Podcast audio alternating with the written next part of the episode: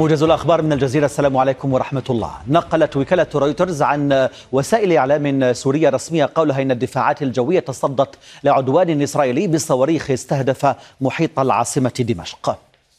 قتلت قوات الاحتلال الإسرائيلي ثلاثة شبان فلسطينيين قرب بلدة عرابة في جنين جنوبي الضفة الغربية. وقال بيان إسرائيلي إن إطلاق النار استهدف مركبة كان يستقلها الشبان الثلاثة الذين كانوا في طريقهم لتنفيذ عملية ضد إسرائيليين.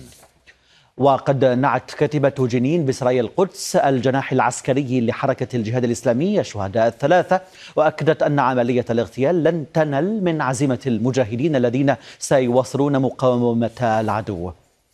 من جهتها شددت حركة حماس على ضرورة العمل الجاد لصياغة خطة وطنية لمواجهة التصعيد الإسرائيلي.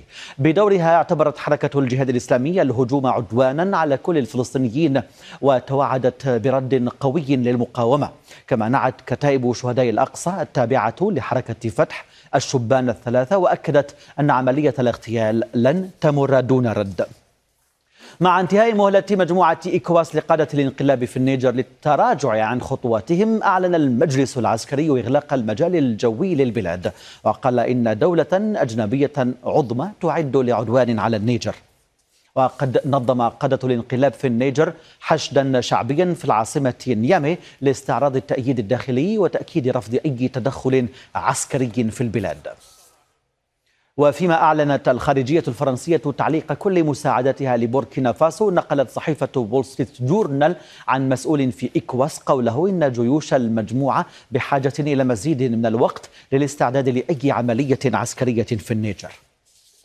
قالت سلطات القرم الموالية لروسيا إن جسر تشونهار الذي يربط بين خيرسون وشبه جزيرة القرم تضرر نتيجة ضربة صاروخية.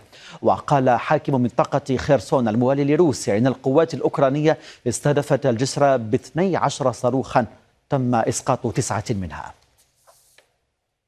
هذا وأعلنت وزارة الدفاع الروسية أن قواتها شنت هجوما بأسلحة جوية وبحرية بعيدة المدى على مواقع عسكرية أوكرانية غربي البلاد من بينها قواعد جوية. في السودان قال مراسل الجزيرة إن سلاح الجو شن غارات على مواقع للدعم السريع في الخرطوم بحري كما قصفت الطائرات الحربية القصر الجمهوري الذي تسيطر عليه قوات الدعم السريع وسط الخرطوم.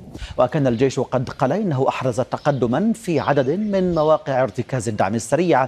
في حين نفت قوات الدعم السريع ذلك وقالت إنها لا تزال تحاصر القيادة العامة للجيش في مبنى المخابرات بالخرطوم.